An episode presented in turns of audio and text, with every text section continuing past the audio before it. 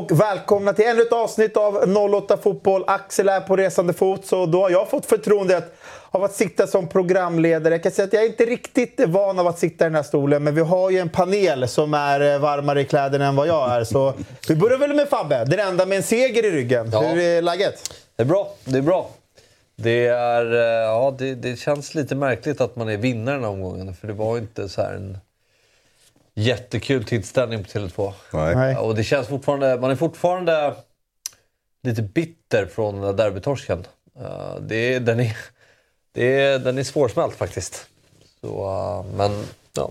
Det känns som att tålamodet var ganska kort också på läktarna där. Att folk var på väg att bli irriterade ganska Ja. Det, fanns, det fanns någonting i luften att det hägrade en irritation. Ja, jag var irriterad innan matchen när jag såg att det var 10 av 11 spelare som startade derbyt fick chansen på nytt. Mm. Redan då blev jag nästan eh, omotiverad att, att kolla. Det var, det var, ja, faktiskt. Det var en, eh, det var en märklig match eh, på många sätt och vis. För att det kändes som att Djurgården bara hade matchen, eller bara något att förlora.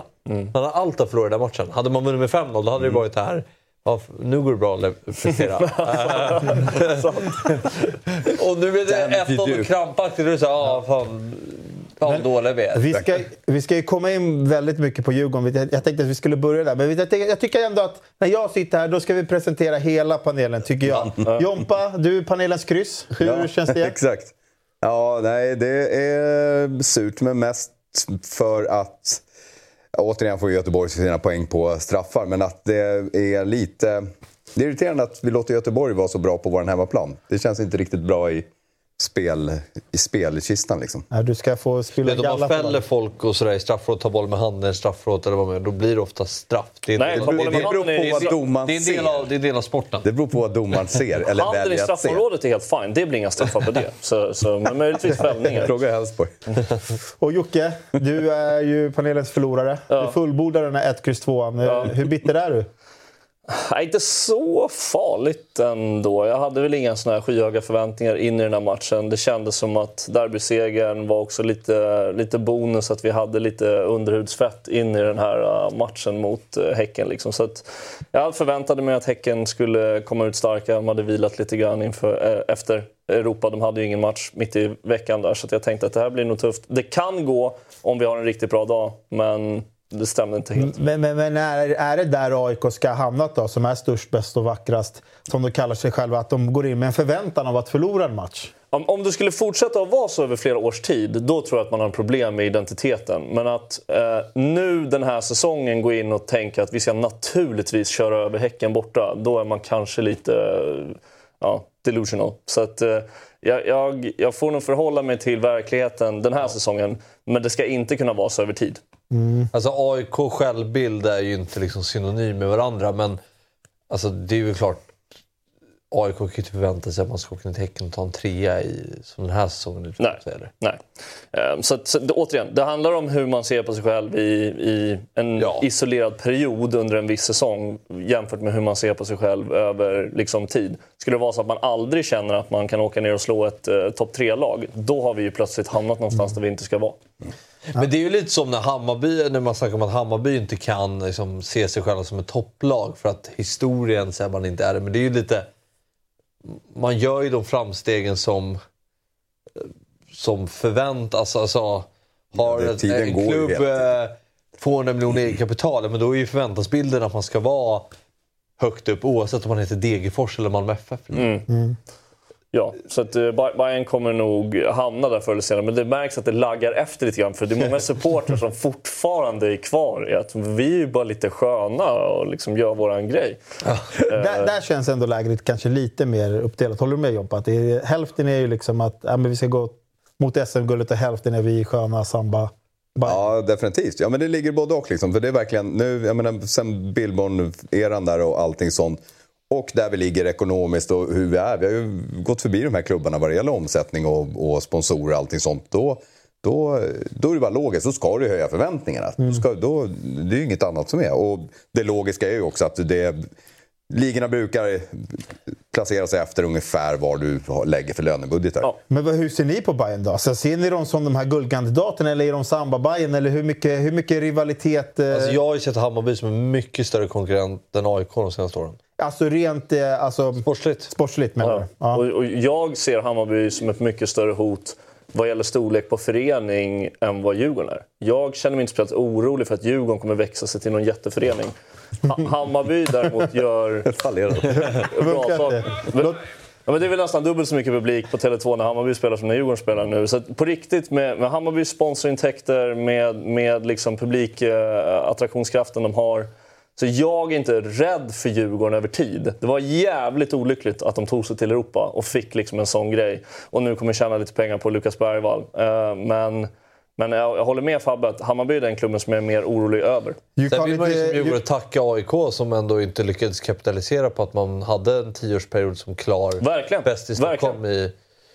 100%. Men Det, men you det, call this bullshit då? ja, men det är ett misslyckande. Det är ju ett jättemisslyckande. Det, det, Fabbe har helt rätt i det. AIK borde ha använt den perioden som man hade där och gjort något bättre av det. Samt vissa större försäljningar, typ Alexander Isak. Och, och vi hade också ett gruppspel för inte så eh, herrans massa år sedan. Det var mycket mindre pengar då i Europa såklart än vad det, än vad det är idag. Men, men det, där sjabblade man ju bort sin chans. Nu är väl Hammarby i en position där de, de kanske har sin chans att ta något kliv. Och så har det hackat lite grann och man har kanske inte riktigt ersatt de spelarna man sålde med, med riktigt samma... eh, att det har klickat direkt. Men Hammarby har väl sin, sin stora möjlighet nu liksom, att göra någonting. Ja, verkligen. Potentialen som man har snackat om så jävla länge.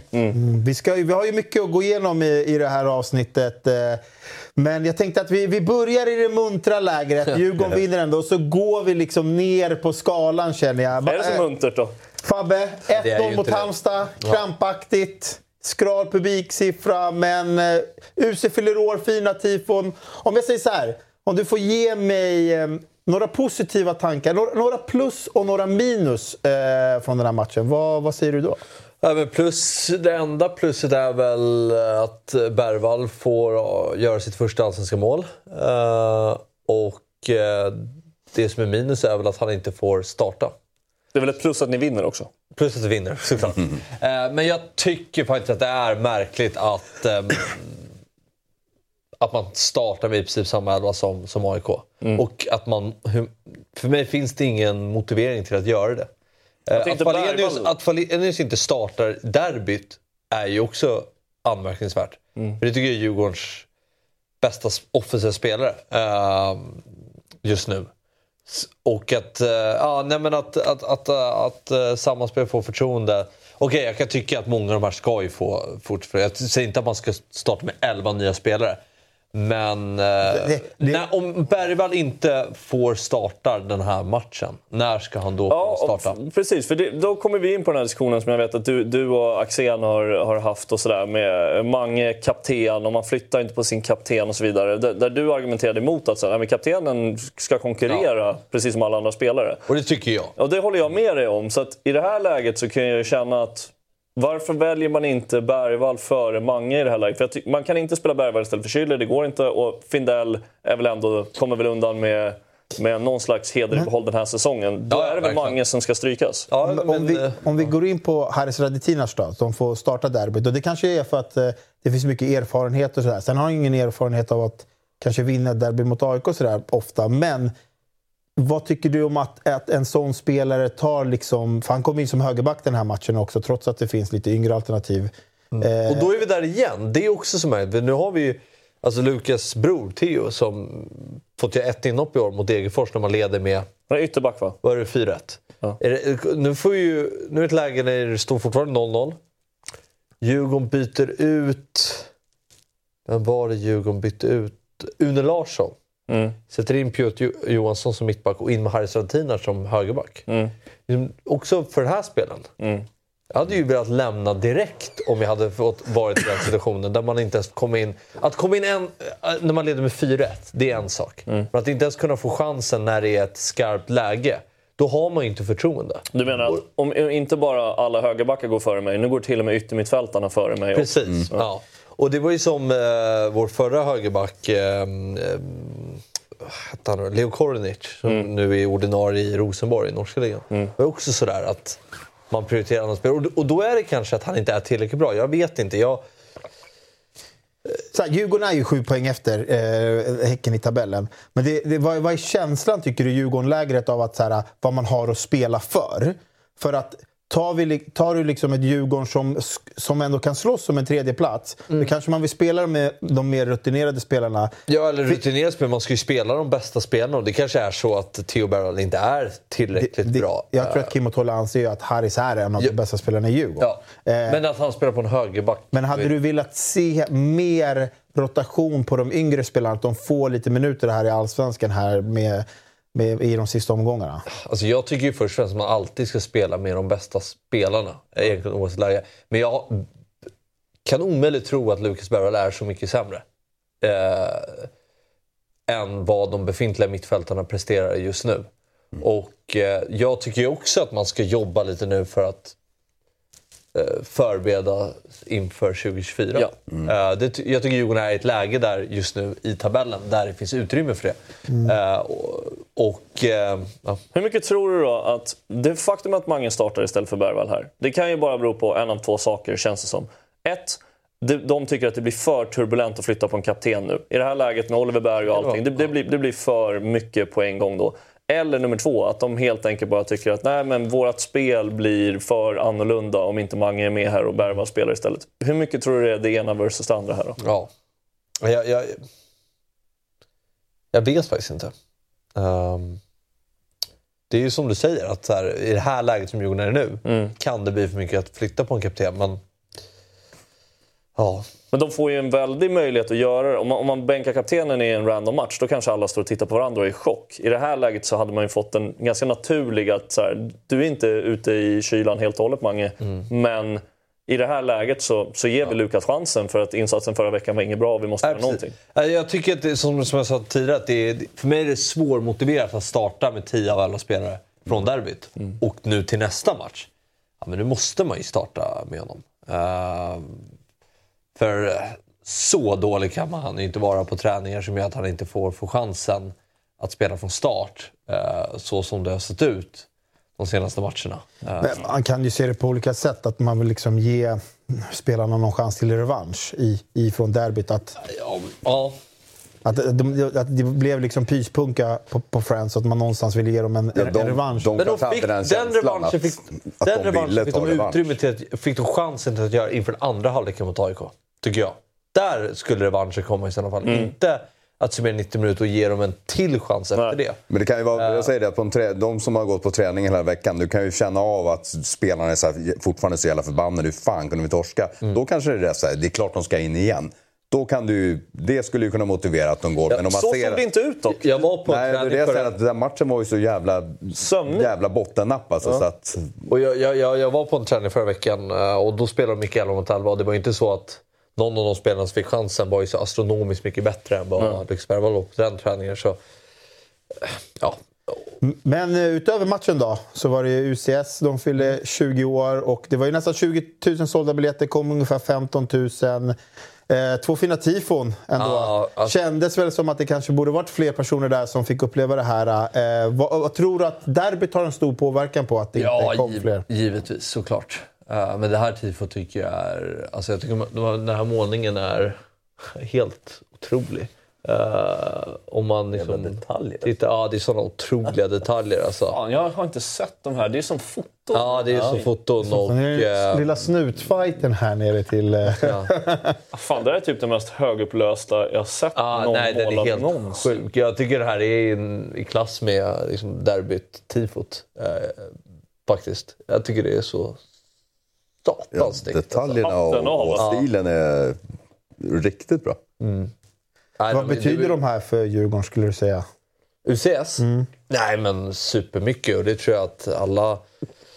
Ja, liksom, alla våra uh, ultrasgrupper är ju hjärtat i själva läktarkulturen och som alltid är där oavsett vad, vad klubben är i tabellen och hemma som bortamatcher. Och de har ju alltid varit liksom i ens medvetande sen man började bli aktiv supporter själv. Så har det alltid varit UCS som varit kärnan och de som varit ledande i, i läktarkulturen. Och eh, oavsett generationer så har det ju varit UCS som varit eh, som varit hjärtat. Och eh, jag tror att de har en enorm påverkan och en stor bidragande faktor till den här publikökningen som vi har, eh, som vi har i Allsvenskan. Alltså alla ultrasgrupper. Eh, för de är så Ja. fundamentala för Allsvenskan. Jag tror också. Eh, och eh, man tar dem så mycket för givet, men så mycket som de gör för, för Djurgården, det är, äh, det är grymt. Hur högt rankar ni Djurgårdens supportrar? Eh, på, på, ur, vilket perspektiv? Stämning? Eller Stämning pratar vi om. stämning. Ja, men jag tycker de får, de får till ett jävla liv när de kommer till, eh, till Friends. När det, jag såg att det var många på Twitter som hade roligt åt eh, det här med tre etage och sånt. Men, men jag, jag tycker att de, när de fyller upp kortsidan där på Friends så tycker jag att de, de har en hög ljudvolym. Sen Bättre än Bayern. Eh, inte på Tele2. Då, då tycker jag Bayern har bättre tryck än vad Djurgården har. Men i derbyna, ja, kanske fan att Djurgården är mer högljudda. Faktiskt. På eh, våra hemmaderbyn. Men, ja, så. Men nu har ju blivit, nu har det blåst upp så här en, en, en diskussion bland Djurgården om man ska ha trumma eller inte. Och då är jag ju så här, då är jag verkligen så här, alltså Låt... låt... trumma. Ja men alltså då, då är det så här, det ska ju de helt bestämma själva. Eh, Efter så mycket som de har gjort för, för Djurgårds läktarkultur. Ja men vi gnäller på att det är 15 000 och att det är lite publik men utan dem så tror jag inte ens att det hade varit uppe på de här siffrorna. Nej, jag tycker att de är, och det gäller ju allas eh, grupperingar, hur, de är ju så viktiga. Eh, och man- och suppo- su- supportrar har de så mycket att tacka för, för mycket. För det är ju mycket man omedvetet tar för givet som de gör. Alltså, inte bara tifon utan ehm, ja, men, olika typer av manifestationer, flaggmålningar. Alltså, de, de får ju verkligen läktarkulturen och hela allsvenska produkten att vara levande. Ja, herregud. Ta bort det så, Ja, så nej, är men- vi ju BP allihopa. Nej, men skulle man göra någon så här på marknadsföringsspråk, liksom, någon SWOT-analys på allsvenskan. Den största styrkan vi har är ju kortsidorna. Mm. Det är ju den enskilt största styrkan. Vi kan inte ens prata om publiken i stort, det var den största styrkan. För det finns andra ligor som drar mer publik på, på your average fotbollsmatch. Men våra kortsidor är ju det som är allsvenskans absolut största USP. Liksom. Så att det här måste man ju vara så otroligt rädd om. Och jag tror Noah Bachner är inne på en del bra grejer med sitt resonemang kring 51%-regeln i sin, i sin bok och så vidare. Att det gör att de här killarna och tjejerna fortfarande känner att det är så jävla äkta. Det är värt att, att lägga den mängden tid som vi lägger på det här för att det här är så jävla äkta och på riktigt fortfarande. Men det finns ju ändå någonting i att Djurgården aldrig har kört en trumma. Eh, sen förstår jag att, Ja, det har ju att, hånats mot Bayern i många, många Ja, år. det har vi hört. så att det vänder lite där. Vad, vad säger du Jompa? Att de kanske ska skaffa ett... Ja, det var ju. Jag vet inte om det är på gång, men jag har ju sett att diskussionen Ja, går. Och, Ja, det är- eh, och jag tycker att om det är några som ska ha mandat till det här och bestämma så är det ju UCS. För det är de som styr och ska Mm. styra. Och, ja, och sen så förstår jag att, liksom att här, ja, historien säger något annat, att Djurgården är emot trumman. Men Ja, men där är ju supportrar så vi, vi blir Ja. så otroligt ja, skärmade. Det är, det är så mycket prestige. Är det här coolt, då är det jättecoolt. Är det här inte coolt, då är det så jävla fatwa så att det Ja, blir men derbyt blir så tydligt bevis när det har gått sju minuter i matchen. AIK står med samma ramsa från matchminut ett och Djurgården har redan avhandlat 6-7 ramsor.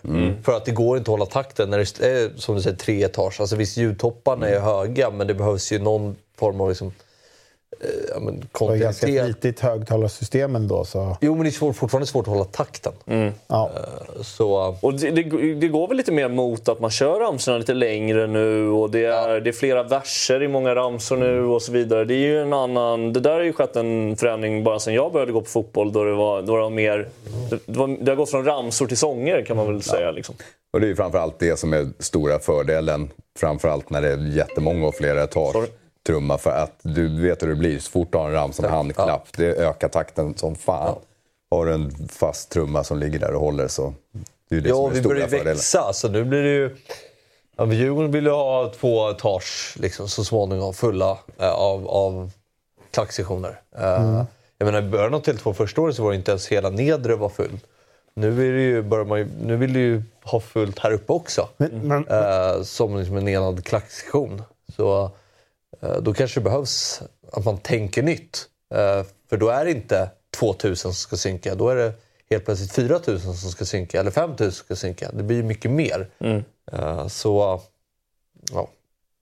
Men jag vet inte om du riktigt svarade på min fråga vad du tycker. Liksom så här, hur, hur ser du på de här, de här sista matcherna som Djurgården har kvar? Vad tycker du liksom är... Vad, vad, vad, vad blir viktigt för dig som Djurgårdssupporter? Vad har ni liksom att spela för? för att man kan ju höra vissa Djurgårdare känna så att luften har gått ur dem på mm. något sätt. Det finns inget att spela för. Eller det, det, det, den här glöden ja. eh, har försvunnit lite. Hur, hur känner du? Nej, men, eh, nu ska vi inte bara prata om startelvan, men det jag skulle nämna med Lucas Berg om han startar... Då hade det ju... kommit 5000 till. men, men, Sånt jävla men, följe han har. men, men, det skänker i alla fall någon, något hopp. Ja. Och det är det jag tror Djurgården behöver de, de, de sista matcherna. Jag kommer ihåg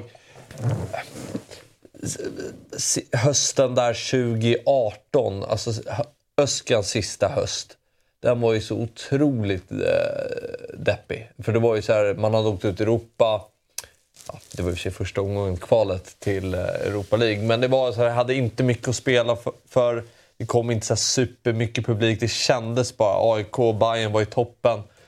Uh, lyckligtvis är inte någon, något av lagen där uppe nu. Men, uh, förstår du? Men det, det, som, det fanns inget att tro på nästan. Mm. Här är ändå någon som skänker något form av hopp inför, inför um, nästa år. Mm. Uh, och nu, nu säger inte jag att jag tror att det är att framtiden är körd. Att 2024 också kommer bli ett svagt år. Men att man har någonting att så känna att det är kul att kolla på Djurgården. Mm. Just nu känner i alla fall inte jag, som jag sa, det här, den här matchen var ett tydligt bevis på det. Att man, man kände inte det här suget att gå och kolla Djurgården. Mm. Men så fort eh, Lukas Bergvall är på planen så blir det ändå att man får upp ett litet men varje gång han har bollen så spänner man blicken. Så här, mm. Blir så här, vad gör han nu med bollen? Mm. Uh, förstår ni vad jag menar? Kan ja, ni relatera ja, till det? Uh, nu när, när ändå tabelläget har svikit. För spelmässigt vet man ju ungefär hur det kommer se ut. Det var ju en match som påminner om så många andra. Ett lag som ligger lågt och Djurgården har svårt att knäcka det och sådär. Men och Joakim, han är bara nöjd om AIK har bollen. ja, inte riktigt. Men jag känner igen det där med kul det när man har en supertalang och så får man gå dit och titta på honom varje vecka. Ja. När Alexander Isak eh, startade varje match så var det ju, det var ju liksom, det var en sån jävla krydda. Jag var mm. överraskad över hur kul det var att se honom. Så att, eh, jag hade blivit tokig om han inte var i startelvan eller om han var sjuk till någon match. Då hade man ju verkligen sagt, ja. jag, jag, jag, jag, vill ju se Alexander Isak idag. Så jag kan förstå. Men, eh... Krav, men kraven ska ju bli högre. Alltså jag menar, förväntansbilden på Djurgården i år var höga. Mm. Um, jag tyckte kanske att de var lite för höga för folk förväntar sig nästan guld efter förra säsongen. Men, uh, och en fjärdeplats är ju, vi pratar lite om his historia och så här, det är ju egentligen inte, ja, bara tittar man på 10-talet och jämför med det så är det ingen katastrof. Men som det har om det som förra året var och som den här säsongen har utvecklat sig så är ju fjärdeplatsen eh, en, en besvikelse. Mm. Eh, så då behöver man någonting annat som livar upp det lite. Fortfarande jag tycker att det är tre bra lag i toppen som faktiskt har spelat riktigt, riktigt bra. Jag, mm. jag kan förstå Djurgårdens supportrar man känner sig en liten besvikelse. Men jag tycker de tre lagen de, de är där av en anledning. Alltså, de har varit bäst mm. i år. Alltså, inget... Alla hackar också lite de där där uppe. Det är inget, ja. inget lag som har gått Jag tycker inte att liksom. de har varit... Visst, häcken i fjol kändes starkare än alla de tre lagen i år. Häcken hade ju... Exakt. Mm. Och, jag... Så Djurgården med Europapengar på banken ja. med liksom kontinuitet alltså, i truppen. 35 mål på 25 matcher är ju inte bra. Nej, jag, jag, jag den bästa med. målskytten har gjort fyra mål. Jag är överraskad över att de gör en, en så svag säsong. Ja, jag är överraskad också att det är...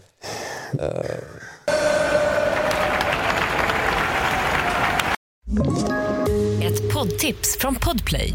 I fallen jag aldrig glömmer djupdyker Hasse Aro i arbetet bakom några av Sveriges mest uppseendeväckande brottsutredningar. Går vi in med hemlig telefonavlyssning och, och då upplever vi att vi får en total förändring av hans beteende. Vad är det som händer nu? Vem är det som läcker? Och så säger han att jag är kriminell, jag har varit kriminell i hela mitt liv men att mörda ett barn, där går min gräns. Nya säsongen av Fallen jag aldrig glömmer på Podplay. Jag tänkte att vi kanske skulle hoppa till ett kanske deppigare resultat men ett muntrare publiksiffra. Kanske var det för att Mark Linjares fick spela att det kom 10 000 extra på, på Tele2. Fyllda arena med spanjorer. Men jag tänkte bara så här, matchen, alla vet, det slutar 1-1. Eh, Bayern leder med 1-0, får en straff emot sig i slutet. Bara om du ska bara beskriva din känsla så här, några dagar efter. Mm, nej, det, det skaver att... Eh, alltså det, till att börja med så är det ju monumental skillnad på Göteborg just nu mot i våras och i somras. Då var de ju gamnacka hela laget. Vem som helst kunde göra mål på dem. Nu har vi fått ihop någonting. De har ett bra tempo, det är ett mm. självförtroende, det är variation i spelet. Eh, de anfaller med många och sådär. Eh, så det, är ju, det, är ju, det, får man lyfta på hatten åt. Men lite irriterande då att eftersom vi sist också torskade mot Malmö och blev lite frånsprungna, att inte vi har mer, bättre fart, bättre initiativ. Vi är inte dåliga på något sätt. 1-1 kanske är hyfsat rättvist sett till matchen. Um, så att, men det skaver att vi inte liksom riktigt är där.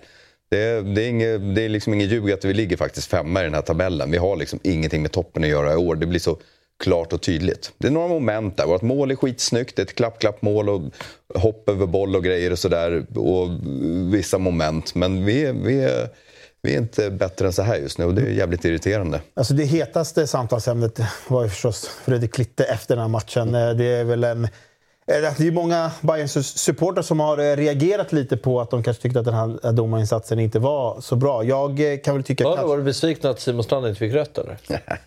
Bra med er spelare. Jag menar, du... Muckar man med Simon så får man tillbaka. Liksom. Han går dit och försöker stämpla honom. Det är klart Simon slår tillbaka. Men du, du, alltså, du har ju sagt förut liksom att du tycker att eh, Simon Strand är ju vår psykopat. Eller, mm. Jag tror att jag äh, citerar dig korrekt ja, ja, ja. här. Men i, det, i sådana här fall, där det förmodligen borde vara ett klockrent rött kort. Alltså, Lever han, lever han lite för mycket på gränsen kan du tycka? Eller ja, hittills, du Hittills Bayern så har han faktiskt inte haft de här riktiga jävla grejerna. Han, han, han spelar fult och tar sina gula kort. Det här var ju så som man minns han från Elfsborg när det var som värst. Liksom, att han, han, där måste han kunna tygla sig lite grann. För ser domaren det så det är klart han kan ta rött. Jag tror inte att den är så hård som den är. Men det är ett slag. Det, det finns en armrörelse där. Efter att han har blivit Ja, men Göteborgaren går ju där för att irritera Han ser det, att det är Simon. Så det här är bara ett orange kort enligt dig? Det är inte, eller är det ett klockrent? Det, det finns ju ingen riktigt bra närbild, men det finns en handrörelse då det är klart han kan blåsa rött. Det, det, Tre matcher, fem eller vad tycker du? Ja, det är lugn, lugn. Det finns värre. Han, så fort ja, men han blåser av vårat anfall när vi precis börjar närma oss straffområdet, för då upptäcker han att han ligger ner där borta. Han får lite omplåstning, sen ska han in och spela, så det finns ingen skada eller någonting. Så han, det finns han lever helt. Där ute som kan, kan med hjälp av AI nu vända på det här scenariot om det här var en Hammarbyare som blev utsatt för det här och Klitte inte ger rött kort då. Så får vi se hur Jompa hade... hur, vad hade Jompa sagt i den här studion då? Tror du att, tror att han hade varit lika samlad och balanserad då? Det, jag säger, det finns, men han slår inte ner honom, men det finns en armrörelse där som tar i nacken. Men sen finns det ingen, det finns ingen inzoomad närbild Han slår honom fan rakt i huvudet alltså. Och domaren står där tre meter bort och gör ingenting. Jag kan tänka mig ungefär hur ja, nej, alltså, ja, ja. Simon passar ju på när han är på andra sidan planen. Det är, Som sagt, han blir provocerad. Det är, det är. Ja, ja, det är mycket möjligt. Men sen, också har du ju, sen har du ju straffsituationen. I våras fick Göteborg straff därför att Marcus Berg använde alla sin, all sin internationella erfarenhet genom att först rycka ner Kurtulus och när Kurtulus rycker tillbaka så det är det enda domaren ser. De får en felaktig straff då och lyckas kvittera på det. Den här straffen, ja det finns en tröjdragning av Hammar. Om du drar någon i tröjan i straffområdet då tar du risken att blåsa straff. Mm. Men då, sekunden innan så drar Selmani ännu hårdare i eh, Mosvadjej eller Pinjas där. Det finns solklara bilder på det. Det väljer han att inte se, men han ser den här. Och dessutom då, det som gör surt där är ju att jag kan ju räkna upp fyra situationer till i år där vi inte har fått straff. Mot BP borta så drar han Rabi bakåt. Men eftersom Rabi är lite mer man än de flesta fotbollsspelare inte lägger sig ner och skriker så får han ingenting med sig. Han ska skjuta mål men blir dragen tröja. Alltså Rabis tröja har ju stått till höger, vänster, upp och ner utan att en jävla domare blåst i år. Nu ser han den här lilla dragningen, tar en straff, vi tappar tre poäng. Det, det, det är ju det som är surt. Men då är det inte, då är det inte Klitte som är fel, då är det de andra domarna som är fel. Jag vet vilken du eh, syftar på, det är Norrköping-matchen. Men var det ja, Klitte? Norrköping, jag kommer inte ihåg vilka det var då. Norrköping är två situationer. BP borta, är det, då är det solklar straff. Han blir hindrad från att, från att eh, skjuta mål. Ja. Jompa har varit så förbannad att micken har... Klitte, Men eh, vad... Håller ni med hans frustration Nej, jag håller inte alls med Jompa här. För att jag, Jompa här argumenterar om andra tillfällen som borde påverka det här. Nej, men det säger ju inte så. Jag säger ju det att Hammar, det finns en tröjdag Ja, det ska Gör straff. du det så, så ja. då ska det ju vara. Men Ja. eftersom de har missat det fyra gånger oss så blir jag ju jävligt irriterad. Ja, jo, jo, det det- det. Du förstår det- jag förstår- frustrationen. jag förstår Jag står inte frustrationen. och blundar för Nej, att nej, nej, den finns där. Men jag har ju sett tre situationer där Ja. vi inte har fått det. Där skulle vi haft poäng. Nu torskade vi mot BP borta. Vi fick noll. Ja. Norrköping, Göteborg snor ju två poäng från oss här genom att snor. De får en straff, det är klart det kan vara straff och någon drar. Den på, jag tycker inte den påverkar tillräckligt mycket, men drar i tröjan så kan han blåsa straff. Det får du ta. Nej, jag, jag, jag, jag, skyller inte, jag tar inte bort den, men får, en, frustration. Bayern får en korrekt straff emot sig, slipper rött när de ska ha rött och ändå är Jompa förbannad på domarna i dagens avsnitt av 08. Ja. Jag, jag tycker ju att... ehm, alltså, det är ju, alltså, jag, jag hade ju blivit mer vansinnig på min egna spelare om man sätter sig själv i den situationen och gör den tröjan i Ja, Hammar- eget, eget straffområde. Absolut. Och han har ju är bett det- jävligt mycket om ursäkt om- det. om- Han, eh, han tar på sig den helt och hållet. Ja. Men sagt, Selmani ryckte i, Ja, jo, på jo, Ines jo, precis såklart, innan. såklart. Är det lite surt att det är just Selmani som, som, alltså, som är en, ändå en gammal Bayern-spelare? Eller- Nej, jag har inget ont att säga om Selmani, så att det, det spelar ingen Han känns är reko. Ni han, ja, men respekterar Selmani honom. gör ju ingenting. Han, han rycker på Pinjas, det ser han inte. Whatever liksom. Så Selmani kan jag inte rikta någonting mot. Den, det, han, det är absolut inte. Alla lag som har haft Selmani tror jag känner respekt inför honom som spelare. För Ja, när han väl var där, han gav allt till alla sina lag. Han gav oss cupguld, han slog den avgörande straffen där och skrattade innan han slog straffen. Det var ett underbart ögonblick. Mm. Så att det, jag kan inte säga något ont ord om honom. Han var riktigt bra här också, jävla rörelse. Och, Hoppa- hela deras anfall var riktigt rörligt. Om vi ska gå in på lite nyheter då i Bayern. De har gjort klart med en ny teknisk chef. Det handlar om Ad Adrian von Heine som kom närmast från Odense där han hade jobbat som chefscout under 2023, tidigare förflutet i Sirius. Är, är det bara jag som har lite svårt att identifiera vad just en teknisk chef gör? Nej, eller, nej, det- är det, eller är det någon här i panelen som är expert på det som kan... Det där känns som det- något du borde ha koll på.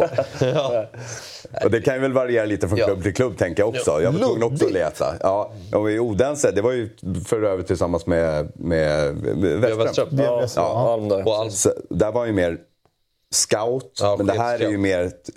Han ska jobba mycket med alla, alla dessa tekniska verktyg som finns idag. Man tar fram analyser och tar fram spider, allt sånt där.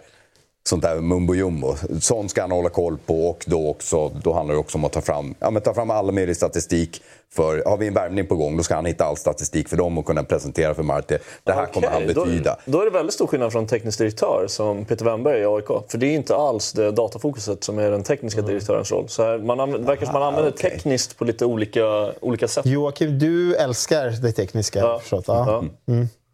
Ja, verkligen. Kanske ska söka det jobbet i AIK lite? Eller? Nej, det, jag, tror, jag tror inte jag skulle vilja vara verksam i, i AIK. Jag vill nog bara vara supporter. Men den här killen har man ju hört jävligt gott om däremot. Eh, Från flera håll. Det, här skrev, det var han som var i Sirius förut. Mm. Så? Precis. Ja. Tills Kim och Tolle... Eller för när Kim och Tolle drog så fick man lite mer upp, en annan position. Ja. Jag har ju hört sjukt bra om honom. Bland annat folk som, har, som jag har sett på Twitter som hoppades att vi skulle lösa honom eh, tidigare. Så att, eh, vad jag förstår är det här en eh, grym rekrytering för Bayern. Sen vet jag inte vilken exakt roll eh, han gör sig bäst i. Han var väl scout i Sirius? ja, och i Odense. Men det kommer väl kanske vara... Alltså det var, jag, är läste, jag läste lite grann, det, fanns, det finns fler intervjuer, jag läste lite grann. I Sirius så började han ju som, han åkte dit för att plugga juridik. Och så har han någon distant släktskap med Kim, Kim Berg- Bergstrand. Och därför började han träna deras pojklag och grejer. Eh, sen behövde de lite hjälp med någon scouting och hoppade han in som det. Så han gjorde tydligen en jävla massa olika saker i Sirius. Och sen när Kim och Tolle försvann, ja, men då flyttade de upp han lite för då behövde de hjälp tillsammans med Henrik.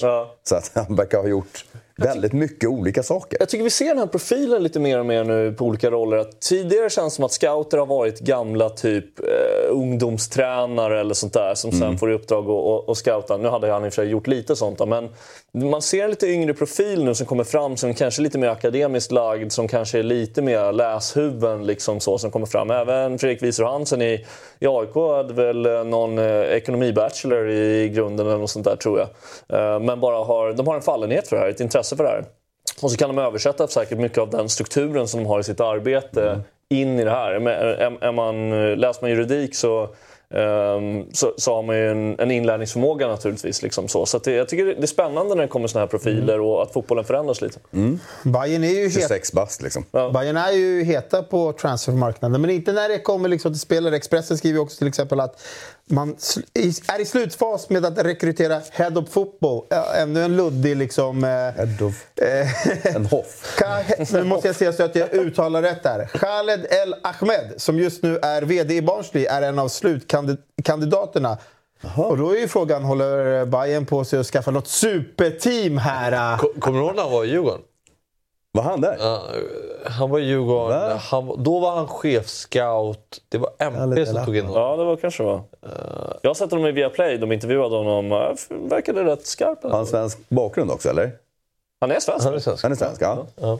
ja. Jag har ingen minne alls. Han tog väl dit Poya Asbaghi till eh, Ja, Arsenal. exakt. Aha, det gick okay. ja, det här har jag helt och Det gick åt helvete.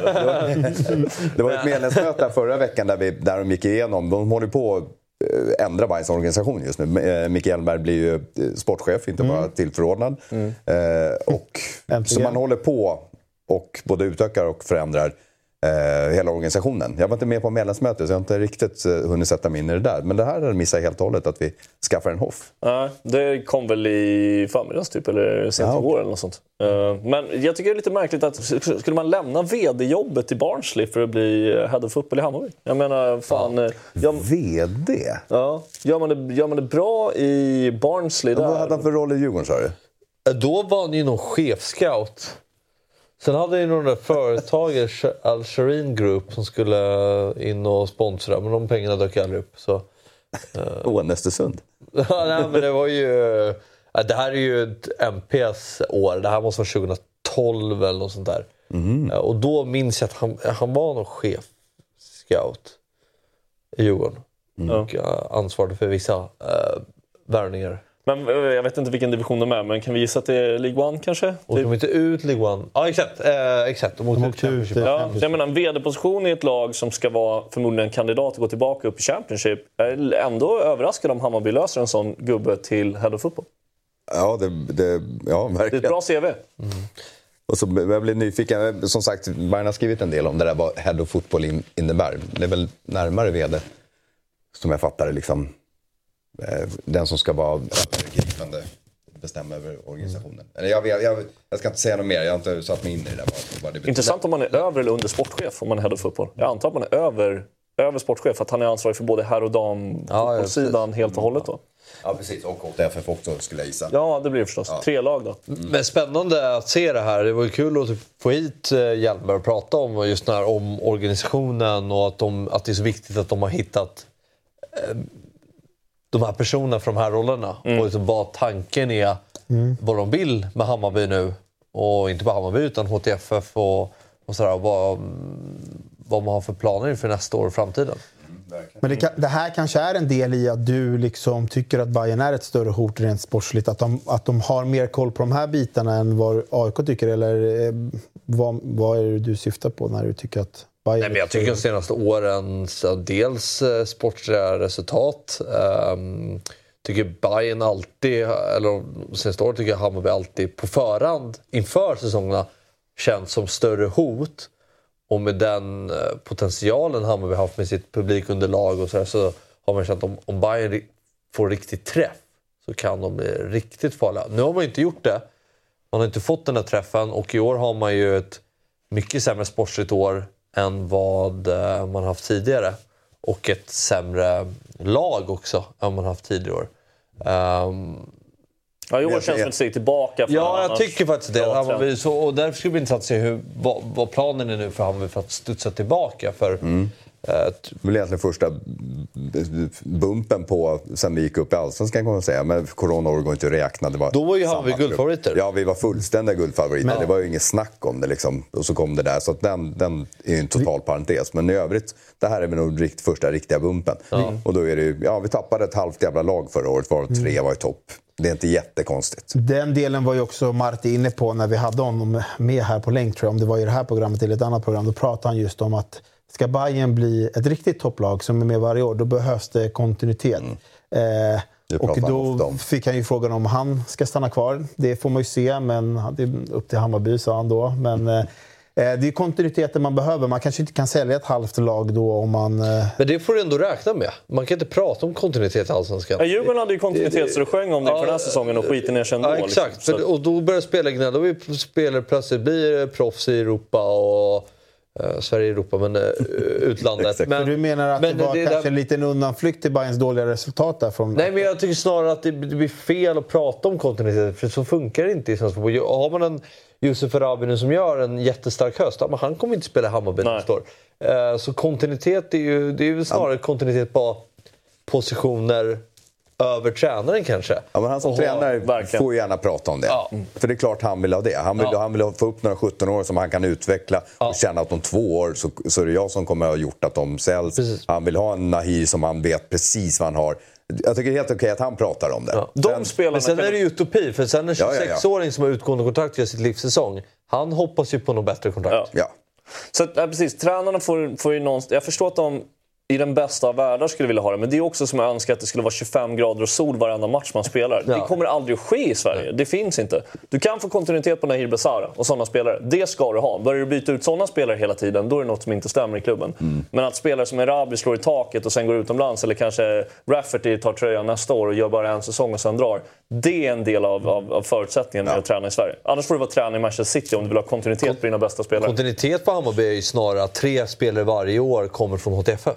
Ja. Det är kontinuitet. Mm. Alltså, snarare sådana saker än att så här, ja, men den och den behövs då, för att vi ska vara ett topplag. De här spelarna ja. Och gör du det, då, det är spelare som du haft koll på i två, tre år innan. Ja. Så egentligen är det bara att nu byter de plats i omklädningsrummet. Exakt. Nu, nu och den värsta formen av avsaknad av kontinuitet är när du byter tränare, sportchef, VD. Alltså inflytelserika mm. ledarbefattningar. Om du byter det hela tiden, då är hela klubben i tombola jämt. Så där måste du ha kontinuitet. Men du kan inte ha kontinuitet på 19-åringar.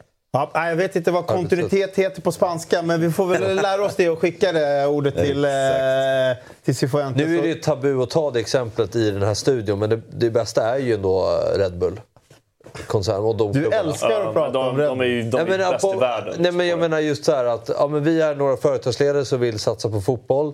Ja, vi, vad är vår idé? Ja, vi vill, vår slogan. Ja, vad är det? Ja, ungdomlig energi och så vidare. Ja, liksom. energi. Och, eh, vi ska spela som vi har vingar. Vi, och hur ska vi då? Ja, då ska vi, anlita, vi vill spela en snabb fotboll. Då anlitar vi de här personerna som är bäst lämpade för att få det här att implementeras, implementeras och installeras i, mm. på plan. Men rent uh, supportermässigt där då? Hur... Nej, men jag menar fortfarande att... Det, det, Man måste kunna hålla två tankar över samtidigt. Det inte bara, jag, menar inte, jag menar inte att Red Bull är liksom ett, ett, ett, ett eh, perfekt exempel i liksom, men är de bra på att behålla spelare också? Eller de Nej, tvärtom. De, de, är fantastiska på att alltid ha en spelare redo som tar vid så fort de säljer dem. Så de, okay. de har ju satt så sig själva. organisationen som är bra ja. hela vägen Och de har ju tydligt...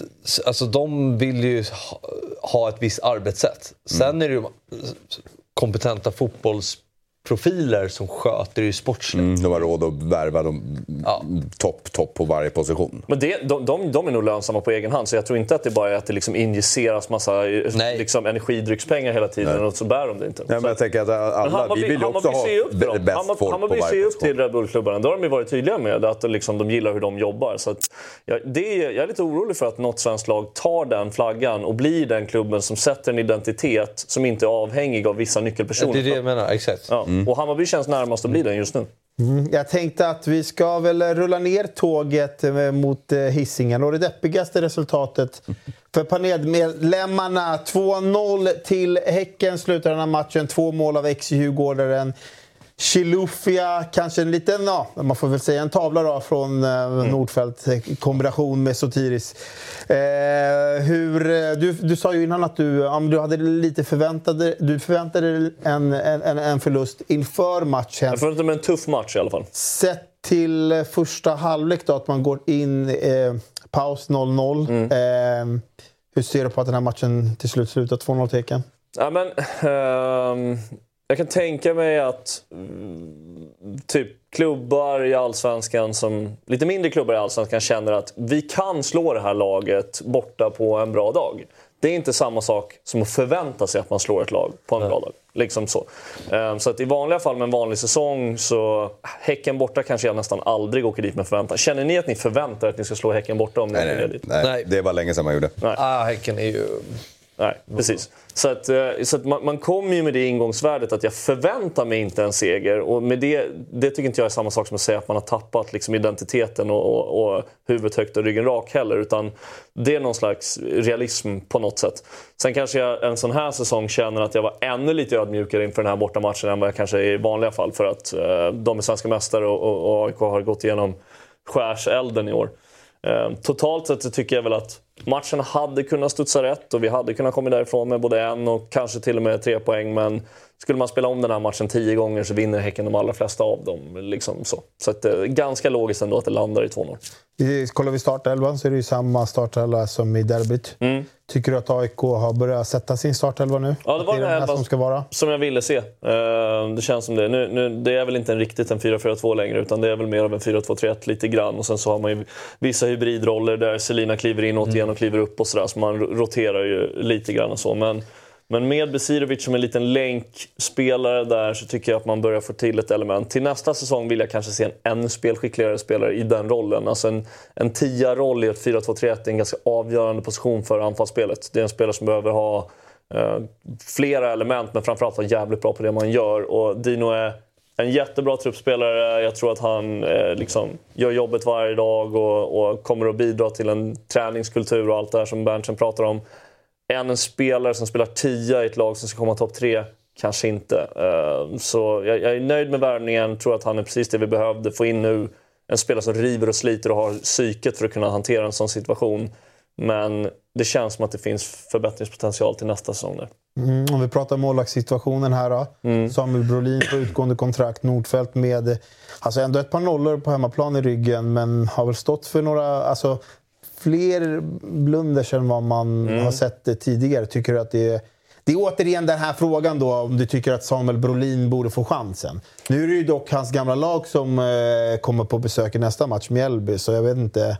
Nej, det tycker jag inte. Eh, Jag tycker inte att de gångerna han har varit utlånad att, att det har inte verkat som att han har stått på huvudet eh, heller. Så att, eh, jag, jag tycker att, tillbaka till kontinuitet då, att vi kan gärna ha kontinuitet i målet. Och Händer någon groda här och där på Nordfält, eh, ja, det är klart det, det är olyckligt. Men överlag tycker jag att det är en kompetent målvakt som är bra på det mesta. Och oftast eh, ganska bra med fötterna också, vilket ju eh, blir, blir allt viktigare nu för att kunna klara att hantera högt pressande lag.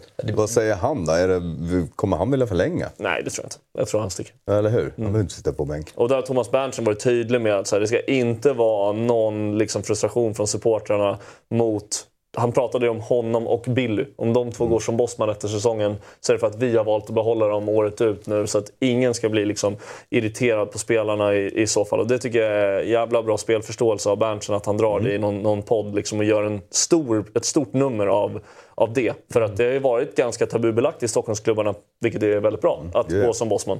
Vi har haft Ja, framförallt att uppmärksamma det med en spelare som inte spelar mycket också. Här, eh, att, att man, att man liksom ändå lägger tid att be, alltså belysa att ja, men den här spelaren kanske går som bossman. Mm. eh, Men eh, ja, ingen skugga ska falla över den personen. Även fast det är en spelare som inte spelat så mycket. Nej.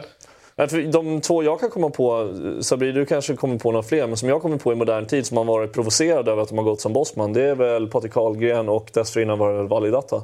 Båda de spelarna går som bossman och man är, man är ganska irriterad att båda borde haft ett hyfsat marknadsvärde. Ehm, Från Validatta-hållet kändes det väl lite som att det var han själv. Han, han var väl lite mer involverad i. Det var ju ganska hysteri där när han drog. Ja. Helsingborg gick det? Nej. Han vägrade spela. han gick, till, gick han inte till typ Dinamo Zagreb? Eller han gick sånt? utomlands. eller? Ja, jag tror han gick till, till typ, Ja, det var det typ Dinamo Zagreb eller något sånt. Eh, Men, men de här, alltså Billy har ju känts lojal hela vägen. Nu fick vi dessutom betalt för honom. Brolin har känt som att han har liksom... Jag, jag har inte sett honom gapa i media en enda gång. Nej. Att han, liksom, och han, han var ändå liksom största målvaktstalangen i, i sin årskull. Liksom, provtränade med United och, och grejer. Så att en sämre karaktär på en sån kille hade mycket väl kunnat vara ute och gapa vitt och brett om att liksom, jag är för bra för att liksom, Ja, vara tredje slips i, i, i det här laget. Så att, eh, all heder till dem, men jag tror om inte det syns någonting på träningarna som, som inte har framgått på utlåningarna så har jag svårt att se att man, att man väljer att satsa på honom.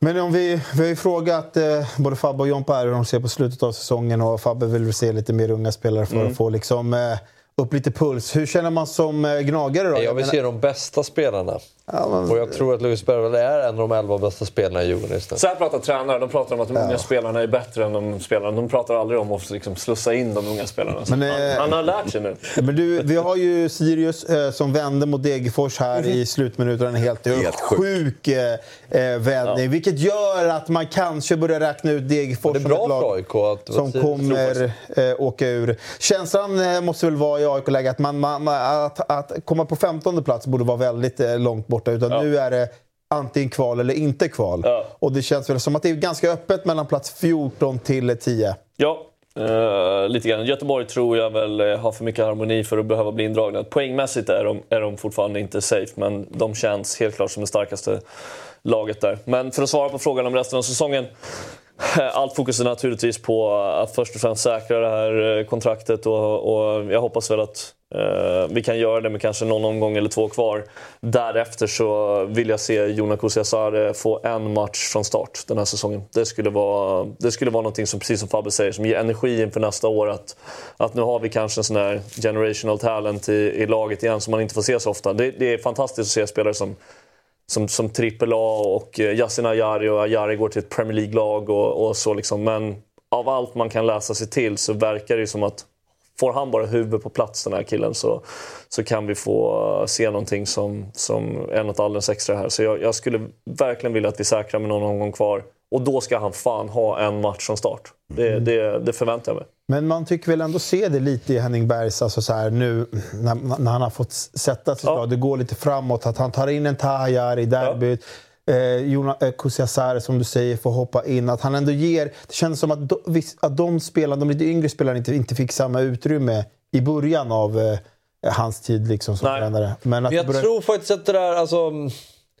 apropå- På det jag sa tidigare, att de bästa spelarna. Jag tror att han, han, kom, alltså han kommer till den insikten att de är bättre än andra spelare. Ja. Jag tror inte det har bara med åldern att göra att slussa in och säga. Jag tror, jag tror att han som tränare tycker att ja, men de här spelarna är ju bättre än den och den.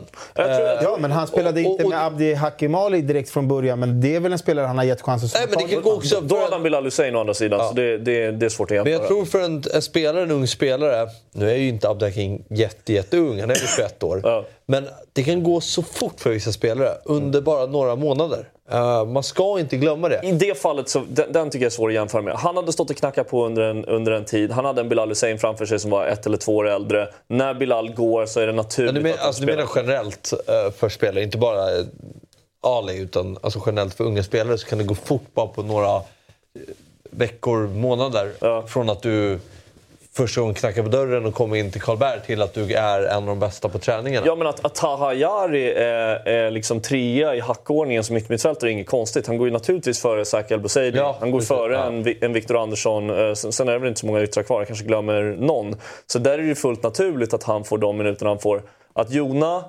har jobbat sig förbi både Alexander Fesaie eh, och i så fall då eventuellt Omar Faraj. Om det nu, om det nu är så. Nu har väl Omar dragits med lite sjukdomar och, och grejer och sådär. Det är ju i så fall, det, det kräver ju verkligen att han, har, att han har tagit kliv i så fall. Men jag kommer ihåg, vilken säsong är det? Nu skulle man vara kalenderbitare som du är. Jag kommer ihåg den matchen när jag tror att vi möter typ Elfsborg borta i, om det är sista omgången eller näst sista omgången och Taha Jari får chansen från start på innermittfältet. Och jag, Du menar Jasnajari? Jasnajari, förlåt, Jasnajari får, får, får starta på Det är innermittfältet. pandemiåret va? Ja, det kanske det är. Ja. Ehm, och att jag, att jag tolkade... Ja, det, han är ju sjuk i huvudet. Liksom. Uh, Jas? Quizza letar jämt i den här studion när han är med. Typ. Ehm, nej, men att, att, att det, var, det var en sån signal från AIK då att liksom, nu, nu markerar vi hur mycket vi tror på dig. Nu ska du, ha, du ska ha en start innan Mm. den här säsongen är slut. Skulle man göra det med, med Jona inför nästa säsong, då tror jag att man... Ja, vad tänker Men jag kommer ihåg det här. Jag kommer ihåg att Bartos var här då, några veckor senare. Ja. Och då svarade han på det. Ja, men han är ju så jävla bra. Ja, han sa det efter Så det är inte bara ett signalvärde, utan det är ju någonstans att de är bra. Mm. Alltså, det är inte bara att så här, vi ska ge för att det är något visionsarbete eller sådär, utan det är för att tränarna tycker till slut att spelarna är bra nog för att Är spela. det, allsvensk är det någon spelare från den här matchen som du ändå vill lyfta ut som du tycker går, alltså som hamnar på plussidan? Eh, alltså jag, jag, jag, jag, vill framförallt inte sabla ner speciellt många spelare. Sotte Nordfeldt har det där misstaget, men 80, 80 gör väl som vanligt en ganska bra match. Synd att han drar på sig en skada. Jag tycker Tykosen har, har reparerat sig och ser mer stabil ut än vad det kändes som ett tag där. Eh, jag tycker Selina känns som en spelare som, som jag tror på över tid. Jag får positiva känslor Även i de matcherna när han inte lyser så känns det som att det bor bra grejer i, i Bergsand Selina. Abdi Hakinali känns som att han har tagit tröjan helt och hållet nu där inne mm. tillsammans med Anton. Eh, alltså, om jag går in på den spelaren, för det glömde jag också fråga Fabbe. Eh, det var ju ett stort, det var ju ett väldigt tryck här i somras på att Samuel Lidström, BP's eh, eh, alltså, vad ska man säga, superspelare det här mm. året, var på väg till AIK. Mm. Eh, väldigt nära. Mm. Den eh, dealen sprack och sen nu är det ju stort snack om Djurgården.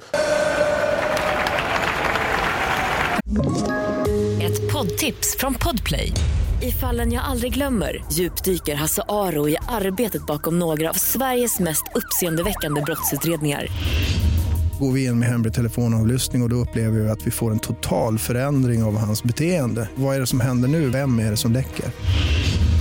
Och så säger han att jag är kriminell, jag har varit kriminell i hela mitt liv men att mörda ett barn, där går min gräns. Nya säsongen av Fallen jag aldrig glömmer på Podplay.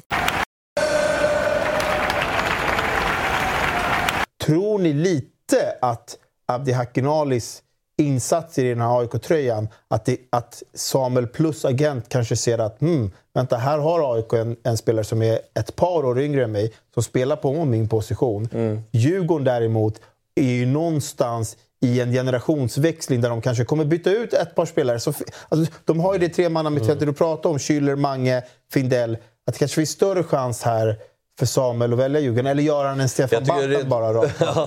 Men rent fotbollsmässigt hade han ju varit Alltså just nu tycker jag han har varit så klippt och skuren för Hammarby. Som, eh, som istället för... Kompa, ska ni lägga in i, i leken här också? Och, Visst var det något snack om att Bayern var intresserad uh, också? Jag, vet jag tror alla klubbar har varit ja, alltså, intresserade av honom. Uh, kanske, förutom Malmö kanske. Uh, men just där, på sättet... Uh, ja, men kanske Sadiko lite ålderstigen, lite upp och ner i form. Passar perfekt där. Och, lite avsaknad av Bojanic fot mm. som Bayern haft i år. Mm. Där har du en spelare som har, tycker jag, kanske allsvenskans bästa högerfot. Mm. Uh, han hade ju varit perfekt. Men skulle men han inte vara helt perfekt det, i Djurgården också? Jo, jo det hade han. Ja. för Schüller kommer vara kvar och sen så känns det som till nästa säsong att Bergvall kommer ta den ena platsen. Och jag tror att Findell känner att nu är det min tur, att, min ja. tur att gå. Men, men då måste det finnas intresse också på honom. Alltså det är inte så att han bestämmer att dit ska jag eller dit ska jag. Det måste komma också bra... På Findell? Ja. Jaha, men vad fan, det måste väl gå... Jo, men... Men hade det du valt... Ja.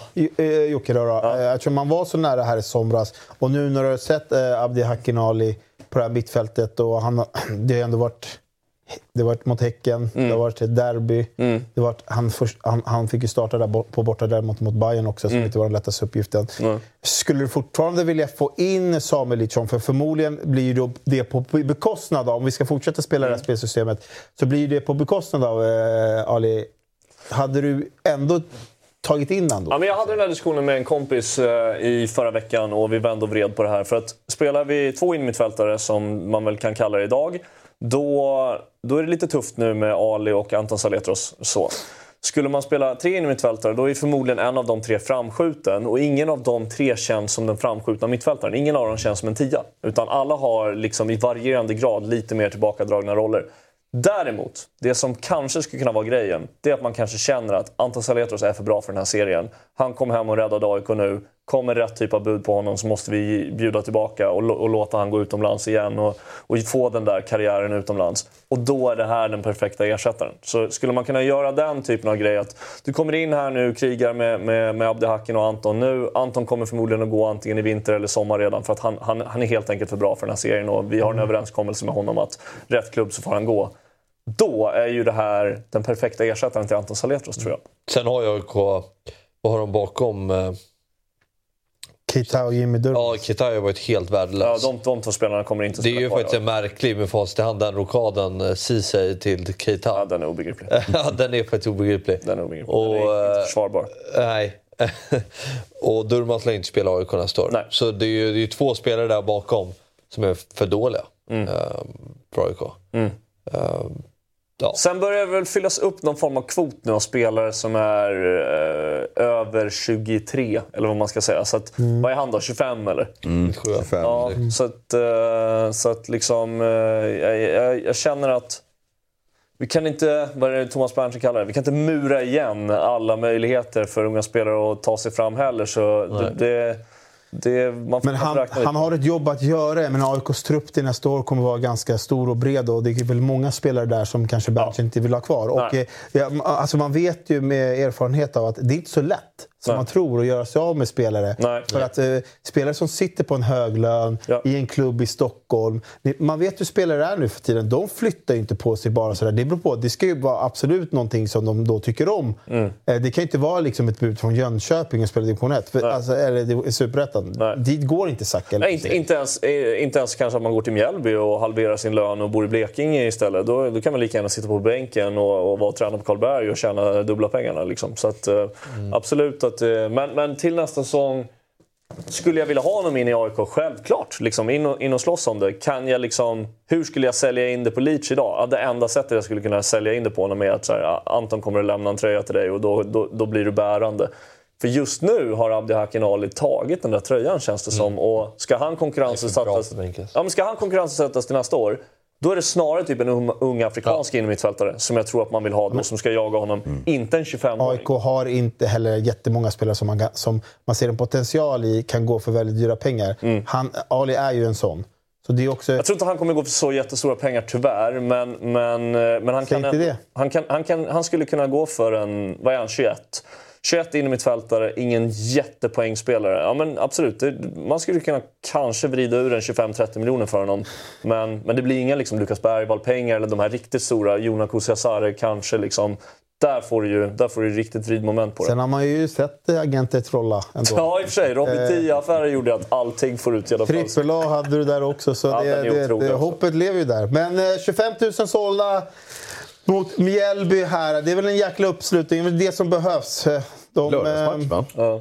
En lördagsmatch 15.00. Eh, En jäkla uppslutning ändå får man säga av AIK-publiken här. Ja, det här trots skulle jag, vilja, jag skulle vilja fråga AIK vad det är som har hänt här. Jag, jag har försökt att fråga i både Studio AIK och i andra sammanhang. Jag tycker aldrig att jag får några rena svar. Om det är för att de vill hålla korten nära bröstet eller för att de inte vet. Det, det vet jag inte. Men... Det är för att vi har trumma. Ja, ja det, det är kanske det. Nej, men eh, alltså, huruvida det är... Är det nyrekrytering av supportrar som vi ser eller är det alltså liksom, eh, att vi har fler återkommande besökare? Har de siffror på det? Liksom? Ja, precis. Det Det, det är jag jävligt på. intresserad av. För... Jag, Och- ja. Om jag pratar från egen erfarenhet så är det så sjukt för att i år, alltså av alla år, så är det första gången jag har tagit med min sambo och mitt barn på match. Och jag vet inte varför. Alltså det är för att, jag vet inte, så här, uppleva ångesten med mig.